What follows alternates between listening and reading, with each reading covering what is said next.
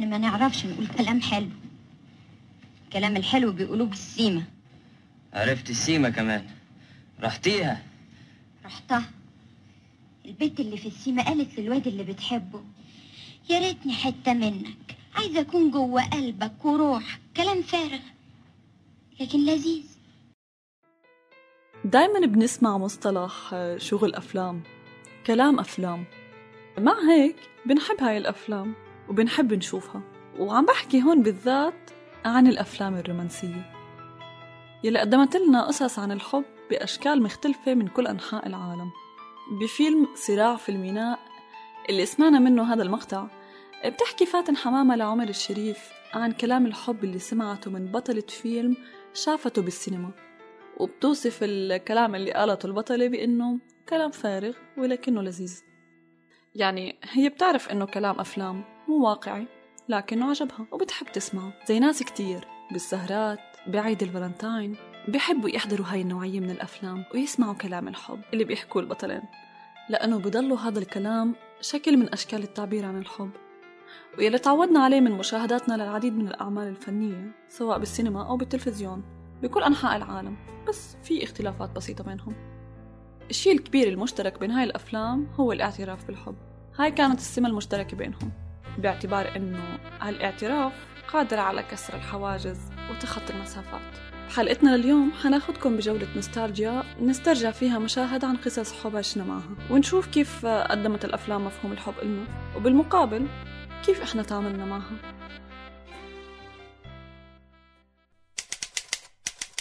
مرحبا إحنا جايين نحكي معكم عن السينما. بهذا البودكاست حنناقش فيه قضايا بمجتمعاتنا. قدمتها الأفلام والأعمال التلفزيونية. رح نحللها وندردش عن معالجة الأفلام لإلها. كاتبة النص هي إيناس مقدادي ورح أكون معكم أنا بصوتي رحمة حسين. لا أريد من الحب لا أريد من الحب غير البداية. خلينا أول إشي نحكي عن موضوع مهم وهو جمال البدايات. ليه حكى محمود درويش لا أريد من الحب سوى البداية؟ أول شغلة بنكون ناطرينها لنشوفها بالفيلم هي كيف حيتم اللقاء بين البطل والبطلة؟ كيف رح تبلش قصة حبهم؟ كيف لو كانوا هالبطلين من المشاهير؟ هاي بتكون حكاية تانية. ليه كتير مهم هاي النقطة بالفيلم؟ يعني الطقوس تبعت بداية العلاقة لأنه بكل بساطة هي أجمل مرحلة في الحب.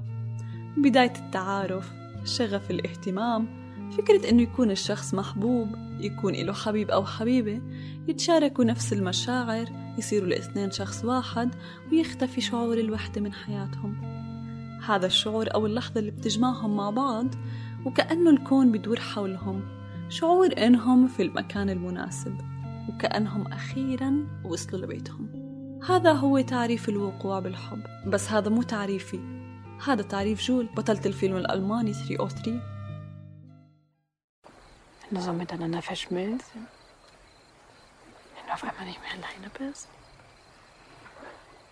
Wenn wir, wir werden alleine geboren, wir, wir sterben alleine, dann gibt es aber diesen einen Moment mit dem anderen.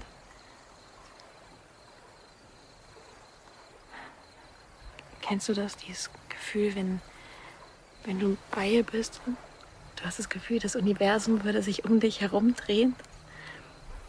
Und du willst nicht mehr woanders sein. Das ist genau richtig, da wo du gerade bist. Hm. Dieses Zuhausegefühl. Dieses Gefühl, angekommen zu sein.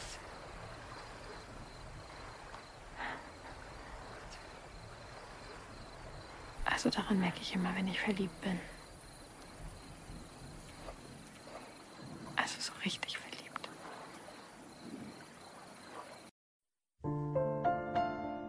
هاي الصورة الفنية تقدمت لنا على طبق من ذهب. بكل جمالياتها عن كيف بيلتقوا العشاق وكيف بيحكوا مع بعض وعن الفراشات اللي عم بترفرف حواليهم طبعا. مع موسيقى جميلة بخلفية هذا المشهد. هيك أعطونا صناع الأفلام مفهوم الحب وهيك علمونا كيف نحب. كيف حتكون العلاقة بالمستقبل؟ الأساس اللي ممكن تبني عليه أفكارك عن الحب. أول شيء بوضعوه في أي قصة رومانسية. هي بداية جميلة. تضل محفورة بالذاكرة مثل آه، فيلم تايتانيك بداية التعارف اللي مستحيل حدا ينساها مشهد لطيف وعفوي ولو اكتملت قصة حبهم كانوا بسهراتهم مع الأصحاب حيكون أول سؤال بيتوجه لهم بهيك جلسات آه كيف تعرفتوا على بعض؟ كيف بلشت قصة حبكم؟ فبيصيروا الاثنين بكل خجل وفخر يعطوا الأولوية بالحكي للشخص الثاني لأنه حيرويها بطريقة أحلى فالبداية مش بس عشان تعيشها ولكن عشان تضل تحكيها I think people should only fall in love if there's a great story behind how they met. Mm. You know, seeing as you have to tell it over and over again. If you and I fell in love, we'd have one hell of a story to tell. Yeah. We'd be at a dinner party and someone would ask, So, how'd you two meet? And I'd say, You tell the story, dear. And you'd say, No, you tell it better. ويمكن هالشي بتحبوا المرأة بشكل خاص أكثر من الرجل بقصد إنه يكون في حكاية لحبها لحتى تتباهى بهالقصة وتشوف حالها بالشاب اللي خطف قلبها وهالشي بيقودنا لسؤال كتير مهم إنه شو بيمثل الحب لكل من الرجل والمرأة؟ هل بيكون الحب بنظرهم على نفس المستوى؟ الحب بالنسبة للمرأة هو قضية حياتها أما بالنسبة للرجل فهو جزء من مجموعة قضايا بحياته واللي أقل أهمية بكتير من الأحيان الرجل والمرأة الاثنين بيتعاملوا مع الحب كل واحد على طريقته اللي بيعتقد إنها كافية للطرف الآخر. مثل ما ورد بكتاب الرجال من المريخ والنساء من الزهرة فالرجل لما يحب يعبر عن حب بطريقة بتختلف عن المرأة وهذا الشيء أكده نيتشه أنه الرجل والمرأة لا يتساوون في الحقوق تحت مرسوم الحب. وهالشي بيوضح المشهد اللي سمعناه قبل شوي وهو من المسلسل السوري الفصول الأربعة. بتحكي نادية عن أهمية الحب للمرأة ونظرتها المختلفة إله؟ بالمقارنة مع الرجل. وكتير ناس بتفقوا مع نادية بأنه المرأة هي مخلوق عاطفي ونظرتها للأمور هي نظرة عاطفية وأهمية وجود الحب بحياتها آه، بتحتل جزء كبير. وفي ناس بتشوف إنه الرجل مفهومه شوي مختلف عن الحب وهو أشبه بالعصفور الطيار مقارنة بالمرأة يلي بتحب أكثر الاستقرار. أما إحنا ما بنعمم ولكن حبينا نحكي الصورة النمطية المتعارف عليها. وبما أنه لازلنا بمسلسل الفصول الأربعة رح أحكي عن شخصيتين أساسيتين بالمسلسل. هم نجيب ومالك. يمكن متذكرين هاي الشخصيات. بالرغم من اختلاف الطبقات الاجتماعية بين هالشخصيتين لكن اثنيناتهم ما قدروا إنهم يعبروا عن مشاعرهم بالحب لزوجاتهم. مع إنه الحب كان موجود وبنشوفه بكتير من المشاهد. بس للأسف هذا اللي بيعاني منه الرجل العربي. أو هيك حب يأرجينا المخرج. إنه الشرقي بشكل عام بيخجل إنه يعبر عن مشاعره تجاه حبيبته أو زوجته. وللأسف عدم قدرتنا على التعبير أحيانا بيضيع علينا وعلى أحبائنا سعادة ممكن يحققها التواصل When you love a person, there's always a tiny part of you that's terrified that one day you're going to lose them. But you have to let the people you love know that you love them, even if it causes you a great deal of pain. Why? Because you're alive.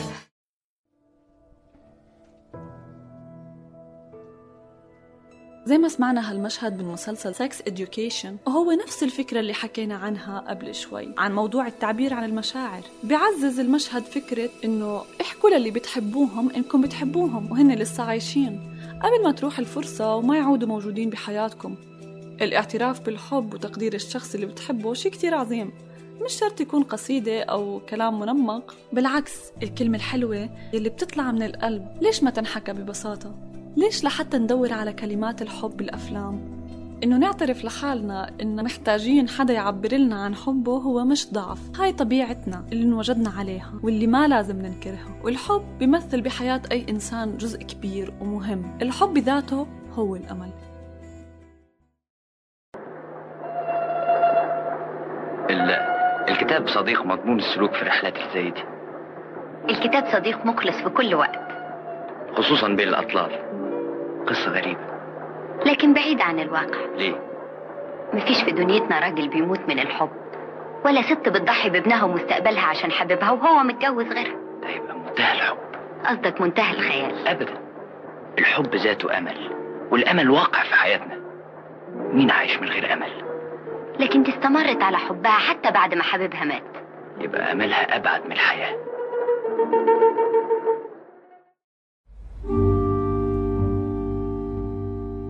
معقول الروايات والقصص اللي بنشوفها بالأفلام بتأثر على مفهوم الحب بنظرتنا؟ يعني حتى الطريقة اللي ممكن نتعامل فيها كمان مع الحب؟ ناس كتير بنت أفكارها واعتقاداتها عن الحب على مرجع الروايات والأفلام وبلشت تفكر إنه كيف حتكون العلاقة مع الحبيب بالمستقبل حتى كيف ممكن تتصرف وكأنك أمام كاميرا بانتظار إشارة المخرج ليحكي أكشن برواية مدام بوفاري ناقشت هاي الرواية نفس الفكرة. بقصد تأثير القصص اللي بنسمعها وبنقرأها عن الحب على حياتنا وواقعنا اليومي وحتى على علاقاتنا بشكل كبير. إيما بطلة الرواية هي فتاة ريفية من أصل بسيط وهي قارئة للرواية كانت تتأمل أنه ترتفع بمستواها بعد زواجها من تشارل بوفاري. وتترك حياة الريف. ولكن بعد زواجها وحتى بعد ما أنجبت أطفالها وأصبحت أم ما شعرت بالسعادة اللي كانت متخيلتها. وظل الملل مسيطر على حياتها وما شعرت بالحب اللي بتتمناه مع زوجها. لهيك بدأت بالبحث عما ينقصها بالخارج. وهون تورطت أكثر بأكثر بعلاقات غير شرعية. ولما دافع الكاتب عن نفسه بسبب اتهام الرواية على أنها غير أخلاقية قال هناك الآلاف من إيما بوفاري ولم يكن علي إلا أن أرسمها من الحياة. وهذا يمكن بيوضح لنا تأثير السينما والأعمال التلفزيونية والروائية للكثير من الناس اللي بياخدوها كمصدر معرفة أو مرجع للخبرات. حتى طرق التعبير عن الحب أصبحت كلها مستنسخة من الأفلام والمسلسلات. والاعتراف بالحب صار لازم يكون محط للأنظار ووسائل التواصل الاجتماعي وكأنه لحتى يكون هناك إثبات للعالم على أنه هذا حب حقيقي فلازم يكون هناك جمهور حاضر على هذا المشهد. هو فعلا مشهد ليس إلا لأنه الحب مو هيك ومو لازم يكون هيك. الحب معروف ببساطته وبمعناه وبالإحساس اللي أول مرة بتنتبه لوجوده. هذا الشعور اللي ما بينقاس بعدد اللايكات ولا مهم إنه يوصل لحدا. بكفي إنه يتواجد بين اثنين آلاف وأرواح بعض بين الملايين. الحب لازم يكون زي ما حكى عنه أبو العلا بالمسلسل المصري أبو العلا البشري. أنا بتكلم عن الحب المثالي. بعذريته. برومانسيته. بلمسة الطهر اللي فيه. بروح الشاعرية اللي جواه. زمان كنا بنحب زي زي ما نقرأ شعر أو نسمع مزيكا أو نتفرج على لوحات ناجي وصبري ومحمود سعيد. كانت لمسة من الإيد مجرد لمسة.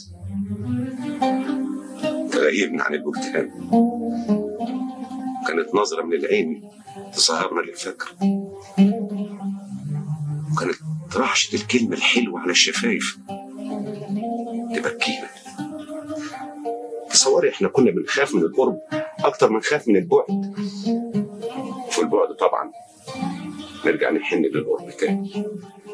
كانت الأشياء البسيطة جدا في الحياة بيبقى لها قيمة كبيرة قوي وشوشة الريح في الشجر نور القمر في المكان حواليه. كل حاجة كان بيبقى لها معنى وطعم ومتعة. أغاني أم كلثوم. كنا نقعد نسمعها بالساعات. ما نتكلمش خالص. في نفس الوقت بنقول كل حاجة. عشان كده الحب كان كان بيفضل وبيعيش يعني مهما فصلت بين المحبين بلاد وفرقت بينهم جبال حتى. أنا حبي لطنطك نعمات استمر أكتر من 30 سنة. رغم إنها إنها يعني افترقنا وهي راح تتجوز واحد تاني. لكن أول لقاء بينا بعد السنين دي كلها كان له فرحة أول مرة. اعترفنا لبعض فيها أكيد كل زمن وإله طريقته بالتعبير عن الحب. ما رح أحط اللوم لا على الأجيال الحالية ولا القادمة بس ما يكون الحب مادة درسناها كتير منيح وحفظناها عن ظهر قلب ولما نيجي نطبقها على أرض الواقع تكون نسخة من المنهاج ليس إلا لا بروح ولا بإحساس.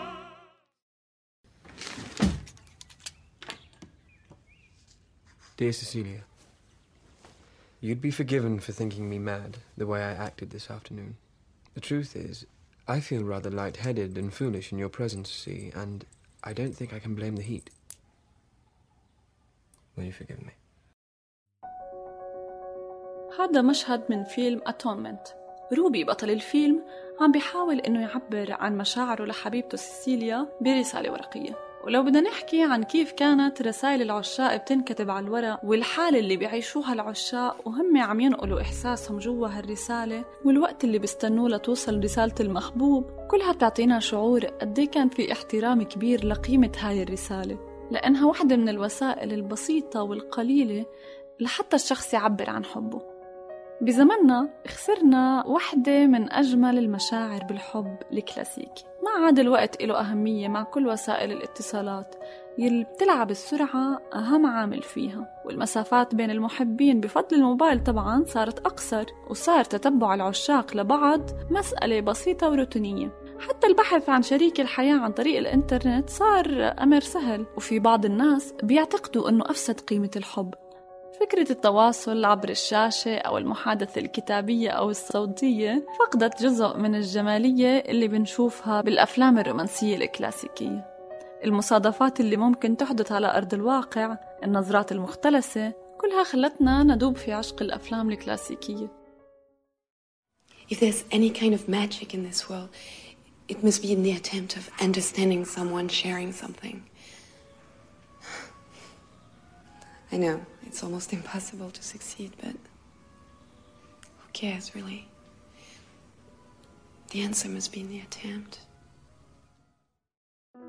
بعد البحث عن الحب والعثور عليه شو رح يصير؟ كيف ممكن يستمر هذا الحب؟ شو هي الأمور اللي لازم نفهمها حتى نحافظ عليه؟ بقصد كيف ممكن تضل العلاقة بين الطرفين موجودة؟ تحكي سيلين بطلة ثلاثية فيلم Before إذا كان هناك أي سحر بهذا العالم فهو بمحاولة فهم الآخر أو مشاركته بشيء ما. مو الكل ممكن ينجحوا بهالشي بس مو مهم. المهم المحاولة. أجمل ما في ثلاثية Before للكاتب والمخرج ريتشارد لينكليتر هي الحوارات الواقعية الموجودة بين جيسي وسيلين وأهمية معرفة الشريك معرفة شخصية عميقة. استعان هذا المخرج العظيم بالزمن حرفيا حتى يكون شاهد على علاقة هالحبيبين. فأخذ العلاقة بثلاث مراحل بين الشباب والنضج ومنتصف العمر لحتى يأرجينا كيف الزمن ممكن يكون عامل مهم بالعلاقة وإنه كل فترة بالحياة إلها طريقة تفكير مختلفة. بفترة الشباب بيكون الاندفاع واستكشاف الحياة والمبادئ اللي لسه عم تتكون واكتساب معارف واستكشاف حياة جديدة والبحث عن كل ما هو جديد ومختلف. وهالشي توضح بالجزء الأول Before Sunrise لما العشاق ما أخذوا أرقام موبايلاتهم واعتمدوا على الحب ليلتقوا بعد فترة زمنية وما حطوا في بالهم إنه الحياة إلها ترتيب تاني. بس هم كانوا عايشين لحظة خارج حدود الزمن وما كانوا بهديك اللحظة على أرض الواقع. أما جزء بيفور سانست حنشوف إنه باللقاء الثاني بعد تسع سنوات كيف كانت نظرتهم لحياتهم الحالية وكانوا شايفين إنه السعادة ما حتكون إلا بارتباطهم.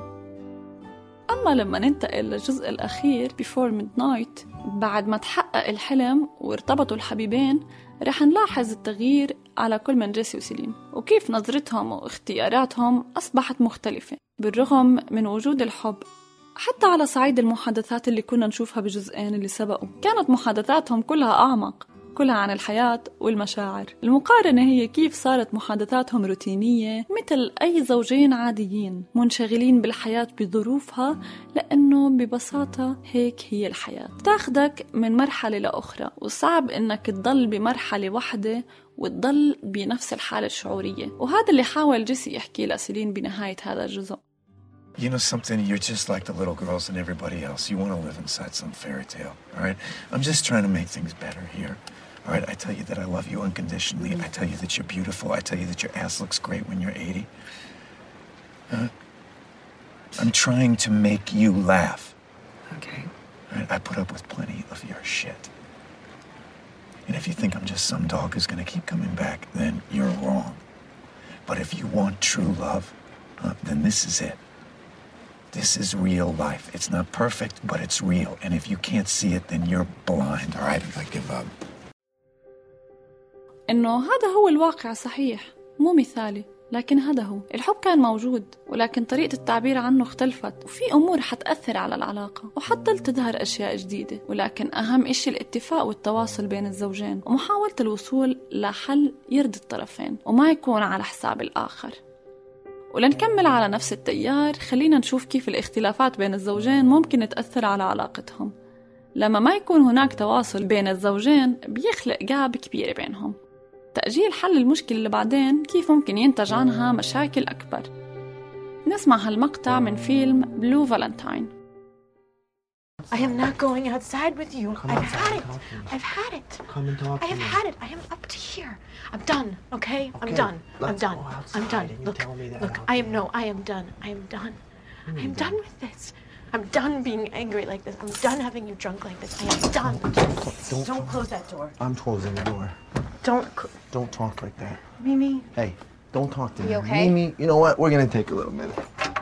We're just gonna take a second. You know what? This is why I don't talk to you. This you go from here to here. No, no, This no time why, at all. This is why you talk to me. Because I'm here. This is the only reason you're talking to me. You fucking asshole. I'm a fucking Honey, You're a fucking asshole? You can call me stupid. I'm so out of love with you. I've got nothing left for you. Nothing. Nothing. Nothing. There is nothing here for you.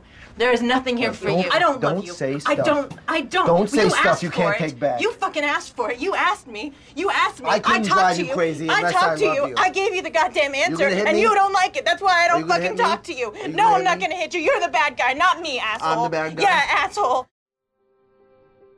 يمكن هذا الفيلم أفضل مثال ممكن نحكيه عن كيف بتتدهور العلاقة بين الزوجين مثل حالة دين وساندي واستحالة إنها تستمر. كيف بيكون تأثير الاختلافات بين الشريكين؟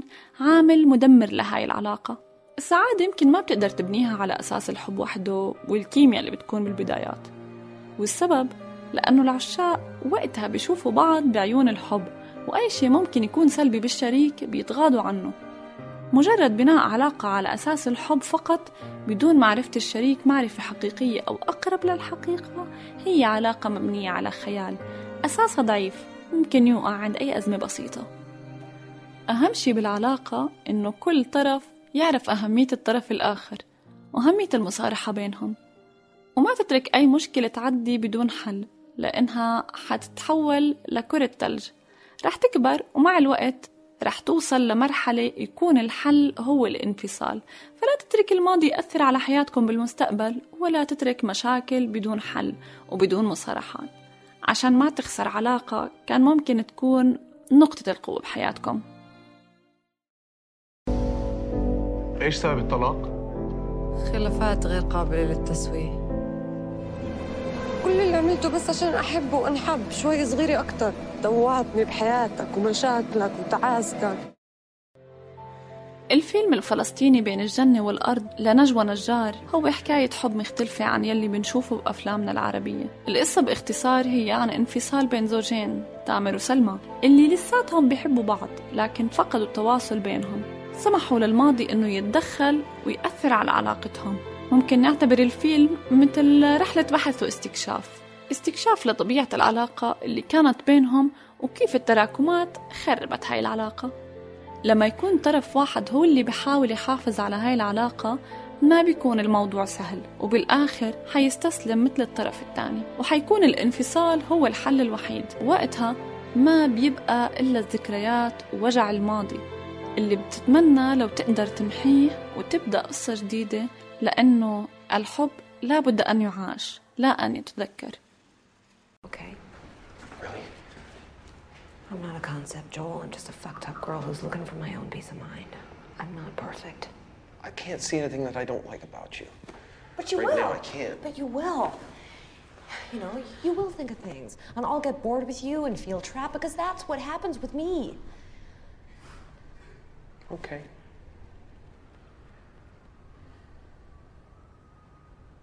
Okay.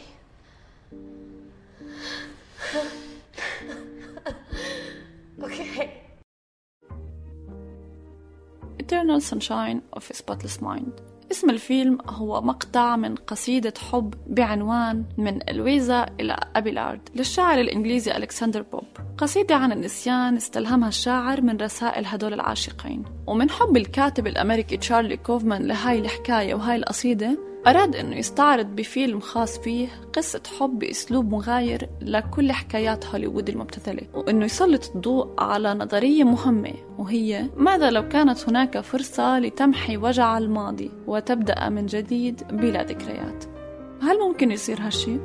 بطلين القصة عانوا من ذكرى نهاية قصة حب والنهاية كانت سببها مشاكل بين شو كانت هي بدها من العلاقة وبين هو شو كان متصور. وكانوا بيعانوا لأنه هالعلاقة تركت ذكريات قاسية ما بتنتسى وهذا اللي كتبه فرويد بمقالته الحداد والميلانكوليا. وهو موضوع بصراحة بغاية الأهمية. ملخصه إنه الذكريات تبقى ملتصقة في العقل ومترسخة فيه. بس بتحتاج لتحفيز لحتى تعود مرة تانية. فموضوع النسيان مش ممكن يكون بشكل نهائي. والبداية الجديدة بدون ماضي هي مجرد فانتازيا. الإشي اللي بده يخبرنا إياه كوفمان بهالفيلم إنه الحب بيستحق منا محاولة أخرى ولكن إنه يكون ببادرة الطرفين.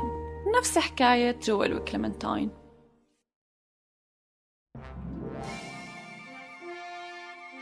صار لازم ندخل شوي بعالم هوليوود عشان نتناقش بموضوع كتير مهم. هوليوود وأفلامها الرومانسية. يلي نقلت لنا سعادة مزيفة عن يوتيوب النهايات السعيدة واللي قدمت لنا مجموعة كبيرة من السلوكيات اللي أكيد حيكون نهايتها الوقوع في الحب وترسيخ مثل هاي السلوكيات بالعقول للأسف أدت لتدمير العلاقات وإعطائها شعور خاطئ بالوقوع في الحب هاي السلوكيات تعتبر غير منطقية فقط شغل أفلام خلينا نستعرضهم واحدة بواحدة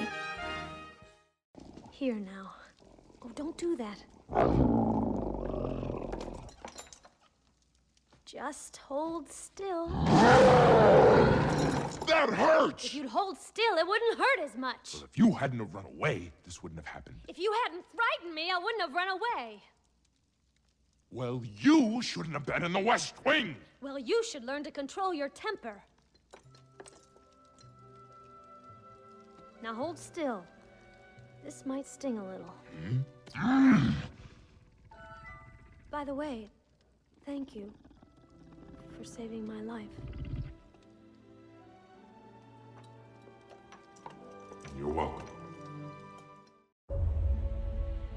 بفيلم الجميلة والوحش الفكرة الأساسية فيها هي محاولة تغيير الطرف الآخر وهاي النقطة موجهة للعديد من الإناث اللي بالعادة بيوقعوا ضحية أنفسهم دايما بنشوف بالأفلام والمسلسلات عن مشاكل تصير بعد الزواج والسبب الرئيسي منها هو مبدأ بسيط. رح أغيره بعد الزواج. شو حتغيري بالضبط يا صديقتي؟ الطباع ما بتغير بسهولة. إذا كان الاختلاف واضح من البداية وهذا الاختلاف ما بتناسب معك أو مع هاي العلاقة وممكن يدمرها فالأمور واضحة والحب من هذا المفهوم ما رح ينقذ هالعلاقة. وما ترجعي تحكي إنك مختلفة عن الآخرين وإنه حظك معه حيكون أحسن. وطبعا هاي مش بس للنساء وهاي برضو كمان للذكور اللي بفكروا دائما إنهم يغيروا الطرف الآخر. فنظرية الأطراف المختلفة تتجاذب هاي فكرة كمان عززتها هوليوود. وما بدنا نكون متشائمين بس بمجرد هالنظرية ما تطبق على أرض الواقع رح يحاول كل طرف إنه يغير من الآخر ويخليه شبيه لإله. وفيكم تعتبروا هالنصيحة هي ديجافو. رؤية سابقة ممكن تنقذوا فيها أنفسكم من علاقة خاطئة Are you all right? I'm all right, but you've nearly frightened the life out of him. Who? The stag. What's he ever done to you that you should chase him about? I must confess I've never met him before. He is a friend of yours. An acquaintance. We met just now. I looked into his eyes and and he looked into mine and I just felt he had a great deal left to do with his life. That's all. Miss, what do they call you? Never mind what they call me. You shouldn't be this deep in the forest alone. I'm not alone, I'm with you. Mr. What do they call you? you don't know who I am. That is, They call me Kit. Or my father does, when he's in a good mood. And where do you live, Mr. Kit? At the palace. My father's teaching me his trade, You're an apprentice. of a sort. That's very fine. Do they do they treat you well? Oh, better than I deserve, most likely. And you? They treat me as well as they're able. I'm sorry. It's not your doing. Nor yours either, I'll bet. It's not so very bad. Others others have it worse, I'm sure. We must simply have courage and be kind. Mustn't we? نروح لنظرية وجود المنقذ بحياة البنت الفقيرة أو اللي عايشة حياة تعيسة مثل حكاية سندريلا وكتير من القصص اللي تلتها وقدموها الكتاب باستسهال وما أخذوا بعين الاعتبار مشاعر هالفتيات اللي للأسف مقتنعين بأنه الأمير الخاص فيهم جاي على حصان أبيض واللي رح ينقذهم وينقذ حياتهم من الجحيم ومن التعاسة Doesn't hurt, Ollie. Really, it doesn't. It's like falling off a cliff in slow motion, you know? Only after a while, you wish you'd hit the ground already, you know? Bullshit. You never fell off a cliff in your whole life. Yes, I did. When I met you. Yeah. What a falling off was there? Who said that? I don't know Shakespeare. Yeah, but who? I mean, what play? I went to Radcliffe. I'm supposed to remember those things.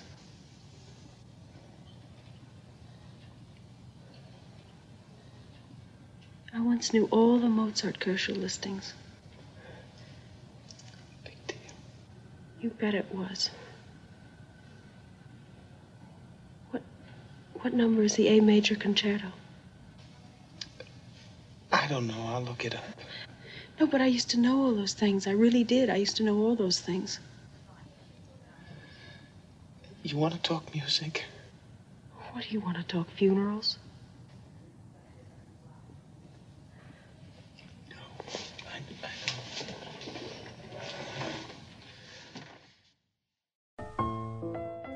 وفي نظرية ثالثة برضو عززتها هذه الأفلام. كتير من الأفلام ربطت الحب بالموت مثل موت الحبيب أو الحبيبة. يعني نوعا ما عشان استعطاف الجمهور المتعطش للدراما وفكرة إنه قصة الحب ما حتكمل وحيضل واحد من العشاق عايش على الذكرى بتعطي رونق بصراحة للفيلم وبتزيد نسبة المشاهدين. وهاي الحكايات موجودة من زمان من وقت مسرحية روميو وجولييت. بس هل يا ترى بعد كل قصة حب رح يكونوا المحبين أوفياء لدرجة إنهم يعيشوا على الذكرى؟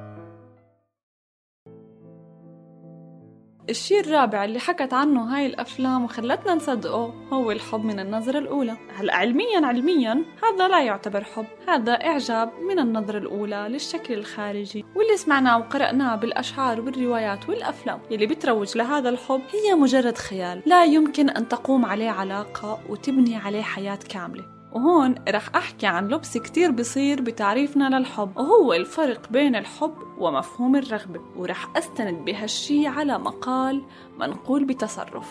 بيستعرض أستاذ علم النفس بجامعة ييل روبرت ستيرنبرغ الشي اللي أسماه نظرية مثلث الحب واللي بتتركز على ثلاث أضلاع. هي الحميمية والشغف والالتزام. وهو الشي اللي وضحه بالمكونات الرئيسية للحب. بالتالي هو مفهوم متكامل للحب. أما مفهوم الرغبة فيمكن أن نستخلص معناه بأنه بيجمع بين ضلعي الحميمية والشغف وهو مش مفروض يلغي الضلع الأخير اللي بيضمن استمرار الحب. وهو الالتزام الالتزام بالعلاقة وكل شيء بواجهها في الحياة من صعوبات. هون في مفهوم كتير مهم بينولد مع الزمن وهو العشرة. العشرة بتتولد بين الزوجين بعد معرفتهم لبعض وصعوبة إنهم يبعدوا عن بعض بعد ما واجهوا الحياة بحلوها ومرها. وهذا اللي وضحته منى واصف بمسلسل شبابيك. شوف يا ابني صحيح الحب هو الأساس بس مو هو كل شيء. ياما في علاقات انبنت على الحب بس ما كملت لأنه ببساطة شديدة الزوجين بيلزمهم شيء أكثر من الحب.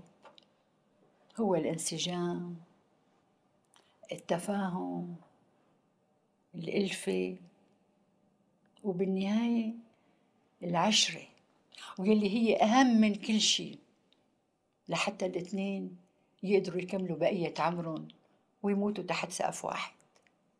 وأنا وعمك متجاوزين كل هدول ووصلانين للنهاية للعشرة.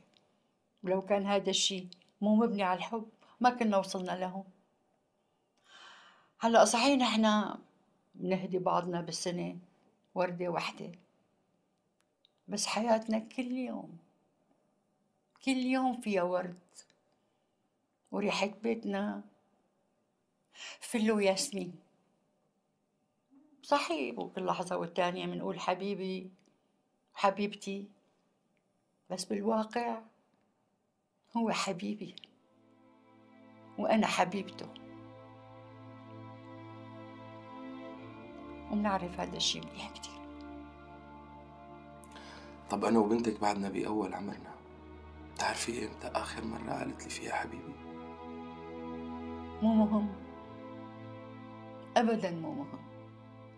أنا لما ولدت وإجيت على هالدنيا كان اسمي بنت حامد كبرت تجوزت صار اسمي مرت عماد. خلفت وجبت ولد. صار اسمي أم باسم. عمك هو الوحيد اللي بنادي لي رهف يعني لولا والله يمكن يكون نسيت اسمي. عملنا استطلاع بسيط سألنا فيه صديقتين عن تجربتهم بالحب والزواج وعن تأثرهم بالأفلام. بتقول واحدة من الصديقتين عن موقف حصل معها. كنت بكافيه أنا وصاحبتي. رح ألتقي بشاب بهدف التعارف ما قبل الزواج. وقعدنا إحنا التلاتة على طاولة. وأنا عم بحكي معه مر من طاولتي شاب كانت تربطني فيه علاقة حب سابقة. بس من طرف واحد وأخد كل انتباهي وحسيت وقتها إني بمشهد سينمائي مع موسيقى تصويرية وكنت أنا البطلة فيه. وطبعا انتبه الشاب اللي كان قاعد معي على نفس الطاولة. وبتوقع فهم القصة اختصر الجلسة بكل أدب وذوق وراح. يمكن ضيعت على حالي فرصة إنه أتعرف على حدا ممكن يكون الشخص المثالي إلي بس فكرت إنه هداك كان الحب الأول بحياتي وما قدرت أفكر بحدا تاني.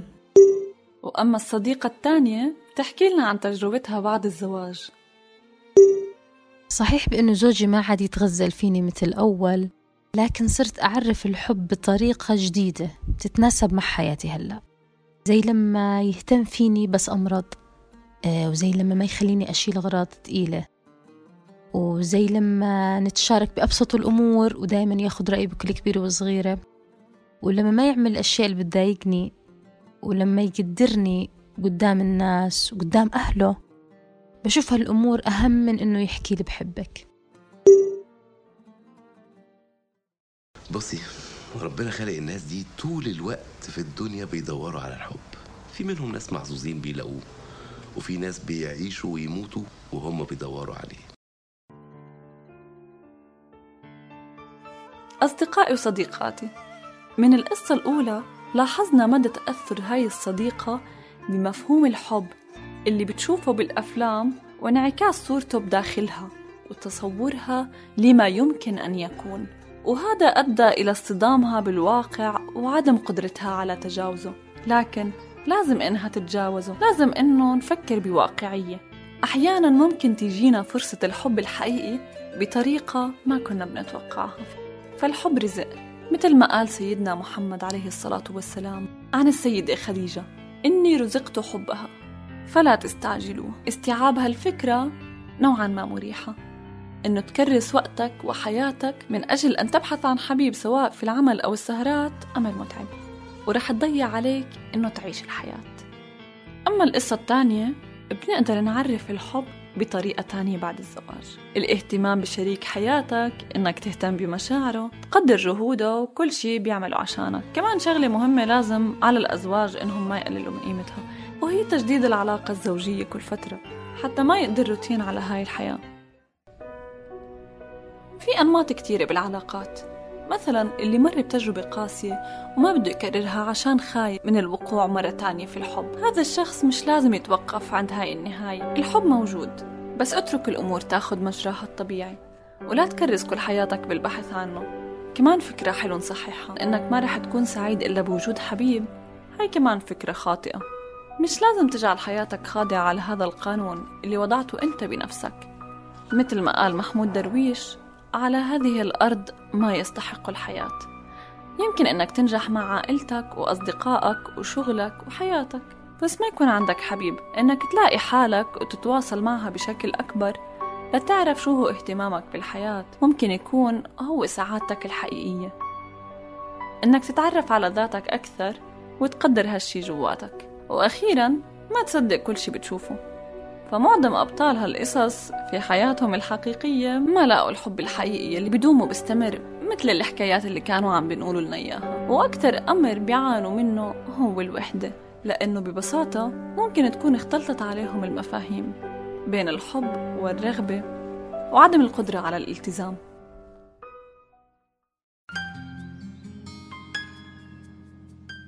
بالنهاية رح نقترح عليكم مجموعة مختلفة من الأفلام الرومانسية. رح نتركها بصندوق الوصف اللي ممكن تشاهدوها بسهرة الفالنتاين. ولكن ما تخلوها تأثر على حياتكم بشكل سلبي. خدوا الشيء الإيجابي منها بس. وكل عام وإنتم محبوبين.